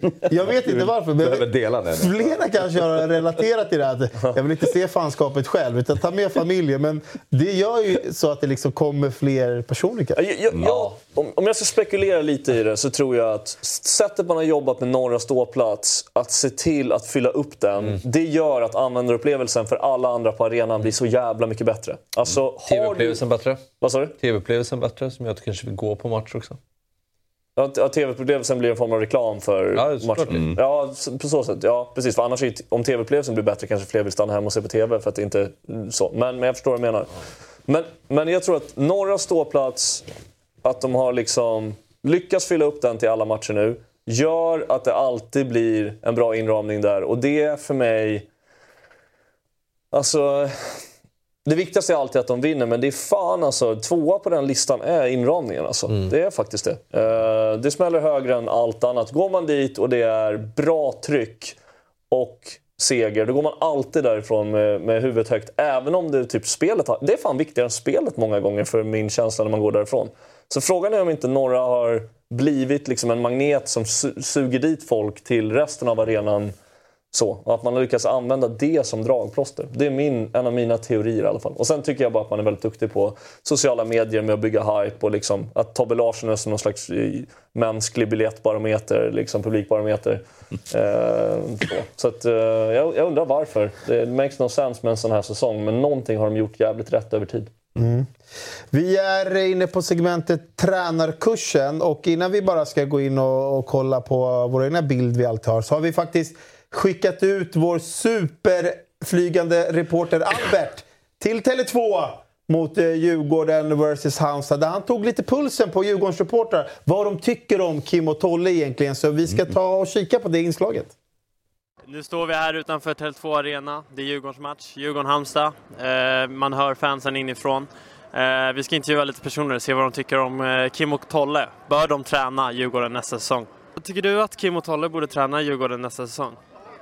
Jag tror det och tills vi har ett bättre alternativ. Ja. Det är, långsiktighet är bra också men ja, det är många som pratar om nya röster men... Ja, varför inte? De har väl kontrakt? Ja, kontraktet sträcker sig till 2025 men jag tänker eh, hur känner du för deras förtroende kring Jo, dem? men det är väl eh, helt okej. Sen att det övriga gänget är lite halvsopiga, det är ju som det är. Nej, men det är okej. Så du syftar mer på att truppen kanske borde förnyas och bytas ut? vore någon som kan göra, sparka bollen i mål, vore en bra grej. För det har de hittills inte lyckats så bra med. Kan behålla dem lite till. Ja. Till, får inte bli för gamla. Nej. Så du tror ändå fortfarande på dem? Ja. Ja. Några, några säsonger till. Ja, några säsonger till. Vad tror du då? Ja, men eh, nästa säsong också i alla fall. Ja, så du Så känner att de ska få sitta ut sitt kontrakt i alla fall? Ja, men det tycker jag. Absolut. Ja, det är en svår fråga faktiskt. Äh, kanske är dags att byta tycker jag faktiskt. För de spelar inte så rolig fotboll tycker jag längre i Djurgården. Så du känner ändå att den roliga fotbollen måste komma in i laget? Och... Ja, för jag tycker förr kom man ju runt på kanterna. Men det är klart, det är bättre spelare då. Vittry var ju med då. Då kom man ju runt på Kajalli och Check då. Som är... Men nu Dalej kom in så det är jävligt bra. Så. Men jag tycker det går lite hackigt faktiskt. Ja, de har ju kontrakt till 2025. eh, men, men du känner kanske att man behöver fräscha upp eh, tränaren? Nej, det är väl det är Bosse som bestämmer det. Så att, eh, tycker han de ska behålla dem så är det väl okej. då, så. Ja, det, det tycker jag. Tror jag. jag har förtroende för dem. Varför har du förtroende för dem? Eh, men de har ju ändå presterat hyfsat bra under, det, under de säsongerna de har varit här. De har vunnit guld åt oss och så, men ja, jag vet inte, jag ser inte riktigt någon annan som kanske skulle göra det bättre än dem. Eller, det är alltid riskabelt om man skulle byta tränare, kommer in någon ny och så blir det liksom bara sämre. Oh, den är tuff. Den är tuff. Som det ser ut nu så är det ju, jag vet inte, ganska trögt. Det är mycket grus i maskineriet. Och, men det är väl inte bara Kim och Tolle, eller vad säger du Thomas? Nej, jag håller med dig. Det är, det är svårt att bedöma om Kim och Tolle ska vara kvar eller inte. Men de är professionella tränare så absolut. Så de gör nog sitt bästa för laget skulle jag vilja säga. Så, svårt att säga. Det är lätt att skylla på tränarna som det är, men, men eh, spelarna måste leverera också. Det är inte bara, så att, det är klart, kanske man kört kanske ganska länge och kanske ett nytt byte vore, vore bra vitalt och så. Men jag vet inte. Det, är- vi ska vinna idag, det är huvudsaken tycker jag. Okej, tack så mycket. Han ville det. ja. ja, men kul. Jag gillade gubbe nummer två där. Alltså riktigt skön analys. Någon som kan sparka bollen i mål. Ja, men han har ju rätt, för vår bästa målskytt har gjort fyra och det är mittback och självmål. Och så, Ja. så klassiska, det är upp till spelarna lite också. Ja, det är höra alltid. Från, från Den har man hört. Den har, Men, den eh, Jompa dragit några gånger. men eh, vi har hört, nu hörde vi flera supportrar utanför Tele2. Nu vill vi höra vår panelmedlem. Ja, men jag... Eh, Du kan inte avstå den här frågan, nej. nej. Nej, jag tycker ju att de är... Eh, det är svårt, för ibland när man, när man eh, går på Djurgården så är det att man känner att det vore intressant med något nytt. Eh, för någonstans kan jag tycka ibland att de kört fast med det här spelsättet. Samtidigt har de visat tidigare att de kan förnya sig, att de kan utveckla spelet. Det gjorde de tidigare, eh, från 2020 till 2021, så en, en de spelade det. Det gick mycket fortare då. Så jag tror ju att de, de har att de absolut kan få Djurgården att bli ett riktigt topplag igen. Det jag tror. Sen är det ju så här. Kan vi ha samma spelartrupp som orkar motivera sig ett år till under de här tränarna? För det vet man också. Alltså, har du samma röst i flera år så kan det bli tradigt. Jag skrev ner just det ordet motivation. Jag tror att du är inne på någonting viktigt på spåret här. Tanke på... Och det kan inte jag uttala mig om, för jag är inte spelare. Alltså jag, jag, jag, vet ju, jag kan bara relatera till om man själv har varit spelare, man har haft en tränare och man kanske tröttnar efter två, tre år. Eh, Det är det jag kan relatera till. Sen kan inte jag svara på hur spelartrupper känner. Men om det är så, ja då har man ju ett val där kanske man ska behöva göra en... Um, um, man Då är det rebuild på truppen. Exakt, eller byta rebuild på, trupp, på truppen. Eh, och, eh, och jag tycker väl kanske att det är, det är dags för en en eh, ny stomme-spelare eh, efter den här säsongen. Det tycker jag definitivt att det är. Eh, och, då, och många av dem som ska vara nya stomme finns ju redan i truppen. Alltså jag tänker ju på Bergvall, Falenius. Eh, Danielsson Schiller är ju där som konstanter, men det finns ju några där Kanske. Lidsholm. Ja, precis. Ja, men då, då snackar du ju nyförvärv. Eh, nu menar jag spelare, befintliga spelare i truppen. Ja, även Gurbanli skulle vara kvar och Jakob Widell Zetterström och så. Ja, och, men äh, liksom, oavsett eh, deras vara eller icke vara så tycker jag att det behövs nytt blod i den här truppen. Mm. Ja, för det, det känns som att det är liten motivationsbrist nu hos många spelare i, i det där laget. Vad, vad, vad säger ni som, som liksom konkurrerande supportrar som ändå sett Kim och Tolle? Ja, men, alltså, de har gjort Djurgården bättre. De eh, tog dem ju till ett SM-guld och sådär. Hur, hur ser ni på den här situationen? Vill ni ha dem, skulle ni vilja se dem kvar eller vill ni att de ska dra? För att Jag vill i alla fall alltid att de ska träna Djurgården i alla derbyn. Liksom. Så om de, på något sätt... Det spelar ingen roll vem som tränar. Nej, kanske inte. Nej, men jag hoppas väl, eh, så känner man väl alltid som konkurrent, att man hoppas att de så här, med nöd och näppe hänger sig kvar men aldrig riktigt får det att stämma. eh, Så. För man blir nervös om de sparkar dem nu och så kommer Kim Hellberg in, då känner man ju bara nej, Men nej. hur högt rankar ni? Hur högt rankar ni de som tränar i Allsvenskan? För något år sedan så var det fan med det bästa jag sett på riktigt länge. Alltså, de, de vinner guld med en trupp som inte ska vinna guld. De tar Djurgården till gruppspel och vidare från gruppen. Det var ju liksom, känslan var att de är förbundskaptener. Ja, liksom. jävla maskin Djurgården var där ett tag. Alltså. Det var mycket som stämde och det var därför jag blev så förvånad att, att, det här, att allsvenska säsongen blev så Och det är det jag menar. och Det har ju känts som att det har varit pyspunka. Eh, att det har varit energilöst. Och det är ju, det är ju allt annat än vad man såg i fjol. Det var ju allt annat, eh, du var inne på det, det är som en maskin. Och det kräver ju en insats av spelarna. Och när det känns energilöst som det har varit i år, eh, då tappar man ju mycket av själva spelsättet. eh, och identiteten som de, som de har byggt upp. Men, men ehm, alltså, ja. Nej, men det, det, fortsätt om du inte var klar med resonemanget. Men jag tycker att eh, trenden i år har ju gått neråt. Så... Sen är... Men ligger det inte lite på då, då spelare som förra året ändå hade en hög topp? Vi pratar liksom Wikheim, Masor och delvis Edvardsen. Det är många, och, och Mange och så vidare. Det, det, är ändå, och det är ändå vissa spelare. Och så tar man in Oliver Berg ändå, som ska vara den som kanske ska höja det här laget lite. Att det, det, det, är många, det är många grejer som inte klaffar riktigt rätt. Dels liksom att de här bärande spelarna som liksom Wikheim, Masor och kanterna funkar inte Men riktigt. det, det är ju tränarens jobb. Det är därför de är anställda. Det är, är det min, det, är lite dit jag vill komma in. Är det liksom, för att, är det liksom på Alltså, det är spelarna inte eller tränarens jobb att få spel. Eller det är klart det är det, men det är ju... Det är exakt vad det är. Jo, men... eh, Att de, har en två, eh, att de två har svaga säsonger är inte tränarnas fel bara. Att, att, att individuella spelare inte kommer upp i nivå är 100% tränarens. Nej. Jo, det, kan det, du inte säga. Jo, absolut. Det Tränaren, har två ansvar. Se till att laget som kollektiv Alltså, om, om presterar. du på riktigt menar att tränarna är den största orsaken till att lag går dåligt, då är du ju fel ute. O- Om det inte är fel högre upp i Fotboll är, kommer ju alltid tillhöra spelarna.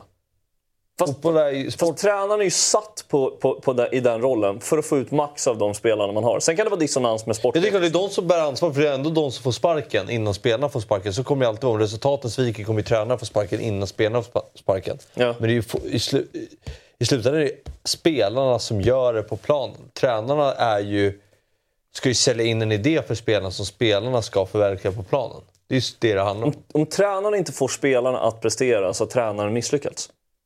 Sen kan inte man som spelare säga att jag spelar dåligt för att jag har fel tränare. Tr- Spelaren ska titta på sig själv och tänka att här, jag har ett eget ansvar här oavsett vem som är tränare. Men skulle jag sitta som VD, eller sportchef eller klubbdirektör, då tittar jag alltid på att här, om den tränaren kommer in och säger att "Äh, spelarna gör inte som jag säger, då skulle jag svara bara, jaha, så du menar att du klarar inte av att göra ditt jobb ordentligt? Då kanske vi ska hitta någon annan som kan få spelarna att göra som de säger istället. Till syvende och sist alltid, alltid, alltid så. På samma sätt som en VD i ett bolag aldrig kan peka på sin personal att äh, de, de gör ett dåligt jobb här. Bara, du är för fan VD på det här bolaget. Då får ju vi som styrelse avsätta dig och så får vi ta in en ny VD. Det blir alltid tränarens fel om spelarna inte klarar av att prestera. Till syvende och sist. Men alltså om vi säger Jo, för det är de som kommer, det är de som kommer få... Det blir som tydligast när de kommer få sparken. Men om, om vi tar, vi tar, ni har ju ett färskt exempel. Alltså vi tar ju Oliver Berg. Inte alls en av allsvenskans bästa spelare i Djurgården. Går till Malmö, en av allsvenskans bästa Ja, spelare. men det, det, Hur mycket det kan ligger vara, det på men Kim och Tolle och det Rydström? kan vara ett undantag. Varför det är ett undantag? Därför, därför att där kan det vara att det inte var synk mellan sportchef och tränare kring att den spelaren skulle komma in. Så på samma sätt som Brännström inte fick den truppen som han ville. En tränare kan bli vinklippt av att man inte får material som överhuvudtaget lämpar sig. Vi såg väl i Premier League att han Wolverhamptons tränare lämnade väl precis innan säsongen började. För han sa bara, jag, jag, jag, jag har inte fått förutsättningar överhuvudtaget. Det här jobbet går inte att utföra. Det, det är en annan sak. Men så länge det finns synergi mellan liksom sportchef och tränare. Om då tränaren inte får ut någonting av spelarna, typ Oliver Berg, att, att man var överens om att vi ska ta in honom och så klarar man inte av att, att hålla harmoni i om- omklädningsrummet. Då har man misslyckats med sitt ledarskap. Så är det bara. Det kan jag hålla med om. Ja. Ja, för den, verkar, ju- den var ju... Det har ju kommit fram lite gnissel att det var något som inte stämde där. Ja. Det är Men Lite svårt tränaren att säga hade vad det ju var. förtroende för Oliver. Bara- Han startar ju, det ska ju komma så att han, han startar ju... Vad blir det? Han startade mot Göteborg. Mot Malmö var han ju med men satt på bänken 90 minuter och dagen efter den matchen så var han en Malmö-spelare. Mm. Så på en vecka gick han ju från en ordinarie spelare till att vara Malmö-spelare. Mm. Så då är det ju inte tränarnas förtroende som gjorde att han Nej. Nej, det var något annat som inte stämde. Och en Ja, annan, en annan del av en ledares roll är ju att se till att det inte blir grupperingar internt bland personal. Såklart det är det. och Sånt också. Så, det är också det en del, det är också en del av Det ledarskap. jag med om. Så, Eh, så att du, har, du har tyvärr som fotbollstränare har en jävla massa olika arbetsuppgifter som du måste vara duktig på allihopa, annars går det åt pipan. Mm. På exakt samma sätt som en VD på ett bolag måste vara duktig på att rekrytera folk, leda människor, sätta processer, sätta system, uppföljningar, få alla att bli inspirerade. Det är en jävla massa grejer och är du dålig på tre eller fyra det av dem, då rasar men- det och då men- kan du aldrig peka på någon annan än dig själv. Men det brukar jag säga, det, det finns inte en sport eh, som är så lite tränardriven som fotboll är. Nej, okej. I slutändan eh, på sporten. Jag tycker det, det, det, det bevisas nu på senare dag att den är, kan vara väldigt tränadriven i form av Guardiola och ja, nu De Serbi och i, i Brighton. Men eh, jag tycker att fotbollen i sig är, den är väldigt spelardriven. Jämför med amerikansk fotboll. Vad menas med att den spelar driven? Att rätt spelare kommer... Nej, att, att, spe, att den, det är en sån flytande sport där det handlar så mycket om spelarnas kvaliteter och inte om tränarnas Så det kvaliteter. sportchefsdriven då, eh, snarare?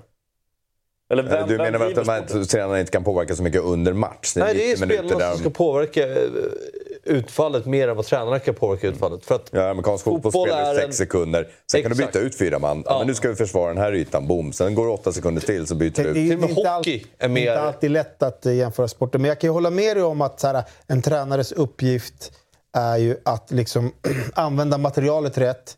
Det taktiska jämfört med liksom, analysen av, av motståndare och gruppdynamiken. Sen, Ja, sen det kan ju inte en tränare rå för om en spelare går in och gör en dålig prestation eller tar ett rött kort eller eh, Kurbanli missar varje chans han får. Alltså så här, att han missar ett öppet mål. Det kan ju avgöra om man vinner en match eller förlorar en match. Alltså, Ja, domare, brännan, väder, alltså- brännan kan man ju ha haft vissa sådana situationer där liksom... Ja, men Om, om, om en boll hade gått in eller inte hade det ju kunnat avgöra hans liksom, framtid i AIK. Så det, det är vissa tillfälligheter. Men det du, det du är inne på här liksom är att både Asoro, Wikheim, Mange Eriksson, eh, Edvardsen. Alltså de här bärande spelarna i Djurgården från förra året totalt, eh, inte floppar i år, men där på gränsen. Nej, och, och det är där som är intressant. Då, att så här, vad är det som gör att de inte har levererat på samma nivå den här säsongen? Och ska man, jag tror att det blir omöjligt att behålla Ja, vi pratar om kontinuitet. Man behålla stora delar av truppen med samma tränare. Det tror jag kan bli, det tror jag blir en rejäl utmaning. För om det är någonting de här två bevisat så är det ju att de kan få snabbt resultat med nya trupper. 2019 vann de guld direkt. 2021 ha- var det en ny trupp. Det blev ju som en, en eh, generationsväxling. Men det blev en, en ny stomme spelare. Eh, och Djurgården flög fram direkt. Och det gick väl Eh, ganska snabbt för med Sirius också, eller hur? Ja. Var det rätt? Så jag tror verkligen att, jag tror att med rätt spelare, med, nytt, eh, med nya ansikten så kan de verkligen få, få fart på det igen. Mm. Eh, så det är lite beroende på vad som händer med, med truppen. Ehm, så Ja. Ja, men tiden eh, rinner ju lite ifrån oss när vi har roligt. Men jag tänkte att vi ska kika jag tycker på... det är två grymma tränare. Det är det. Du har fått det sista ordet. Eh, Jag tycker att vi kan, vi kan gå in på kommande matcher då. Får vi se vad AIK har. Mjällby på lördag klockan tre på Friends Arena. Varberg får besök då av Djurgården. Och Hammarby, eh, återigen ett formtoppat lag som kommer till Tele2 Arena. Om vi börjar med Jocke och AIK då, som går först ut. Vad, eh, Vad ser du för matchbild här? Vad, vad tänker du kring den här matchen? Det finns inte så jättemycket att säga om där. Det är, eh, de är tydligen, vad jag förstår, eh, ett av de bättre bortalagen i serien. Eh, så de verkar ju liksom trivas på bortaplan, att inte behöva föra matchen och sådär. Så att eh, den blir väl säkert jävligt tuff. Eh, det kommer mycket folk. Jag tror att vi får vara inställda på att eh, det kanske kommer vara ett lag som, som ligger och parkerar bussen och slösar tid och liksom vill att AIK ska få publiken emot sig. Det är nog ett sånt lag som kommer in med den matchplanen. Liksom. Och, Sam- ja. Samtidigt har vi hört också Brännan som har tränat Mjällby förut, han sa att det, det var väldigt svårt att motivera Mjällby-spelarna i slutet av säsongen när kontraktet i princip var, var, var klart. Det Mm. kanske, det kanske ska vara till AIKs fördel, eller? Sen är de ju urusla hemma, Mjällby. De, är ju, de kan ju inte vinna match på Strandvallen. De är bra borta, vilket är intressant. Man har alltid sett Mjällby på Strandvallen som ett så här boogie-team för alla Det är lag. man mer här mot Värnamo än Och ändå torska, ja, vill ju inte vinna hemma verkar det som. Men så... Uh, AIK förlorade hemma mot dem i fjol va? Ja, det tror jag. Varberg-Djurgården då? Blir det någon eh, match i form av heder? Liksom Varberg försöker rädda någon form av heder och Ja, Djurgården. den är gone. Den hedern får de nog leta länge efter i så Ja, fall. men jag tycker ändå att de kämpar ändå. Alltså, jag menar, Ja, de kan sant. inte gå och förlora varje match med 7-0 här. För det finns gör ju en bra, helt okej insats igår mot Elfsborg. Men vad vill du se då? Du vill Sant. se Bergvall från start har vi förstått. Är det något, är det något mer du vill se? matchen? Ja, alltså Wikheim har ju varit faktiskt... ehm, ja. Han gör faktiskt en lite bättre insats mot tidigare nu mot Halmstad, men långt ifrån godkänd säsong. Men har Felix Var då? Är det dags Felix honom? Var kanske ska få chansen där istället. Eller Milleskog. Testa något nytt. Ja. Och Ja, så- Theo Bergvall, se vad han går för. Bayern Häcken ryktas om att Klitte ska döma. Vad tycker du om det? Kan man ju hoppas, eller hur? Nej, det blir väl en publikmatch?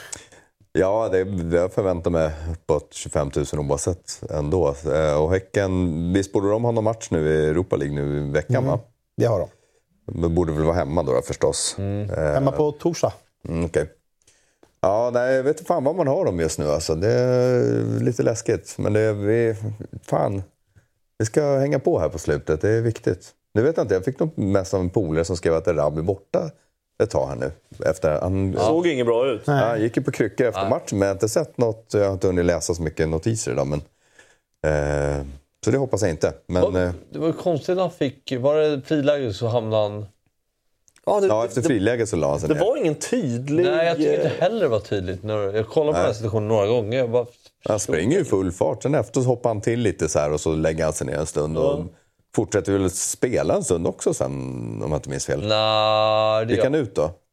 Jag är säker på att han gick ut lite. Men... Det är väl 80... Ja, nu blandar vad upp tiderna kanske. Han är i fin Mm. form med Erabi. Så det blir ju en avsaknad eh, i, Är det Nalic som är mot Häcken.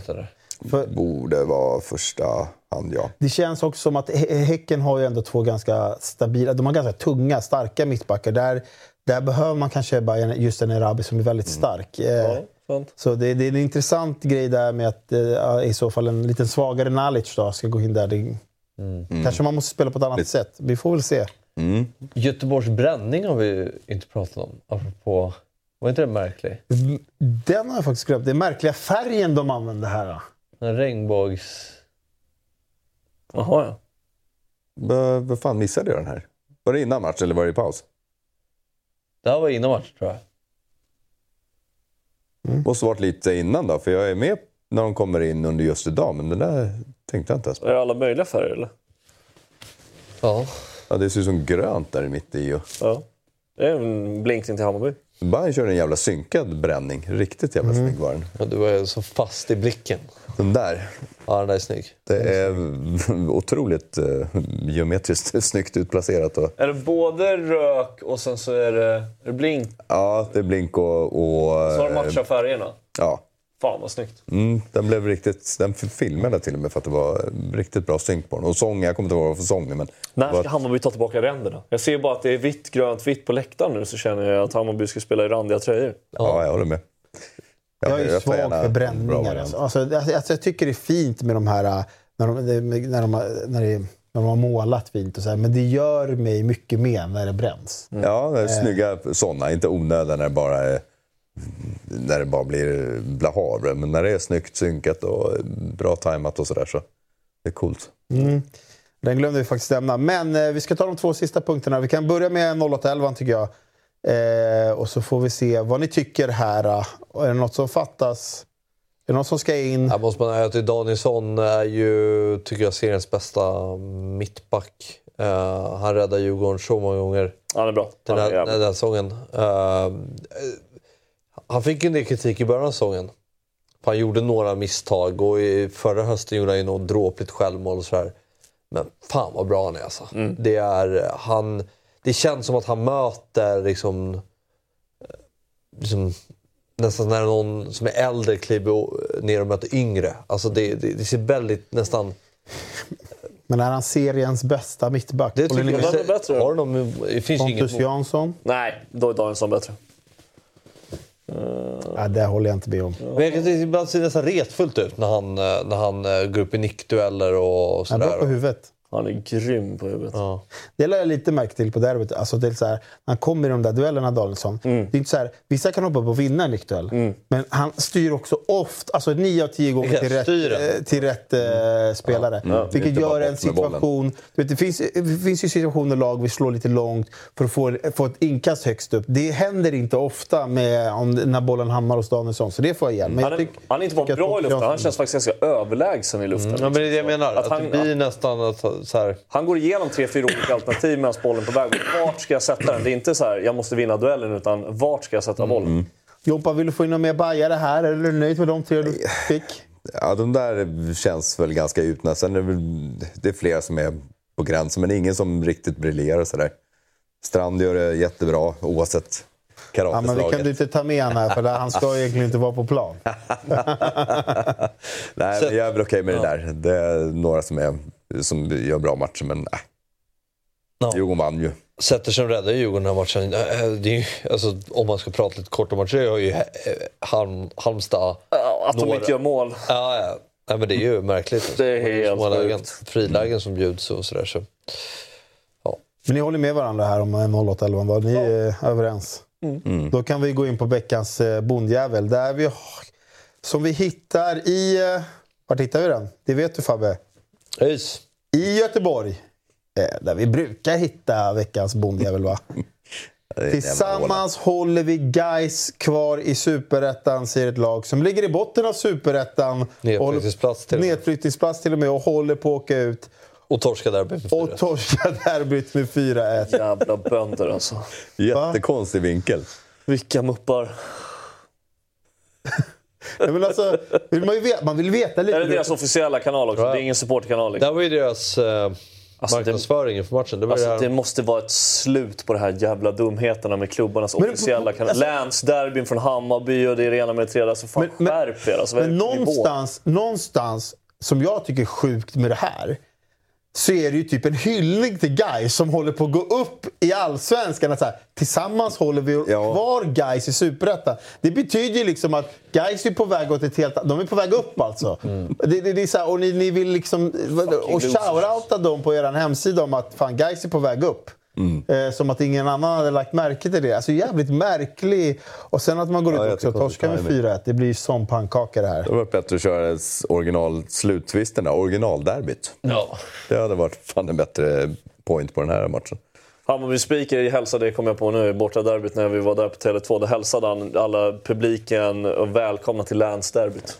Så han körde den rakt ut. Det är Jo, men du vet, nu är det deras Sen grej. drog han också på tabellen hur många poäng hade Hammarby inför matchen och hur många poäng hade AIK inför matchen. Drog han liksom ut i högtalarsystemet också. Så att Det här med liksom pajasar som kommunicerar i officiella kanaler, det, det, hela det ska vara veckans bonjävel. Du ville ju dock ha en annan veckans bondjävel. Ja, men det var ju otroligt att se division 7.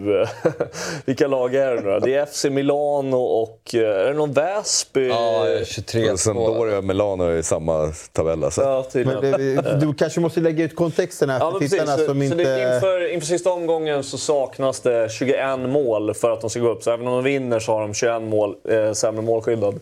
Eh, och lyckas vinna med 24-2 i sista matchen. Vad sa du? 23-2. 23-2 kanske. Med sju mål på övertid också. Ja, med fem, fem mål vad jag förstår. Så när det står 18-2 eller något sånt in, inför eh, stopptiden, då visar fjärdedomaren 10 minuters stopptid.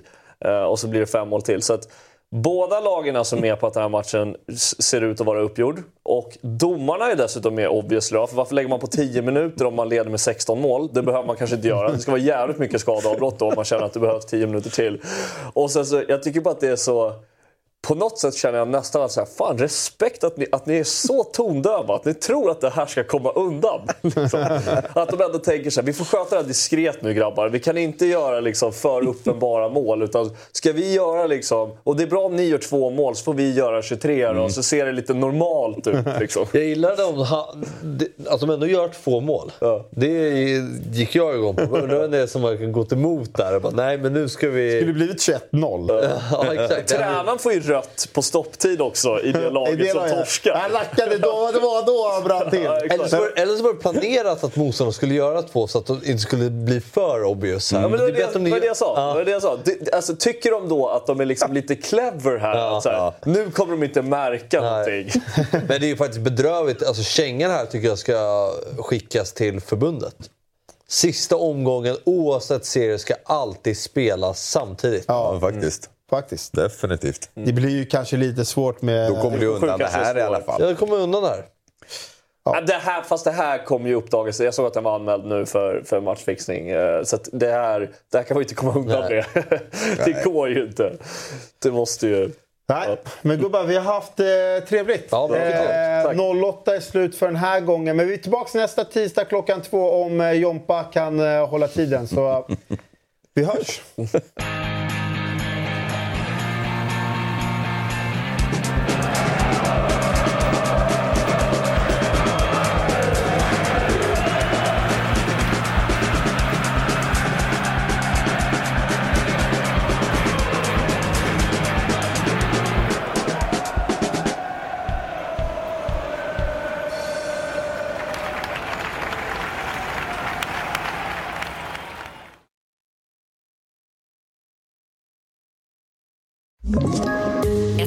Poddtips från Podplay.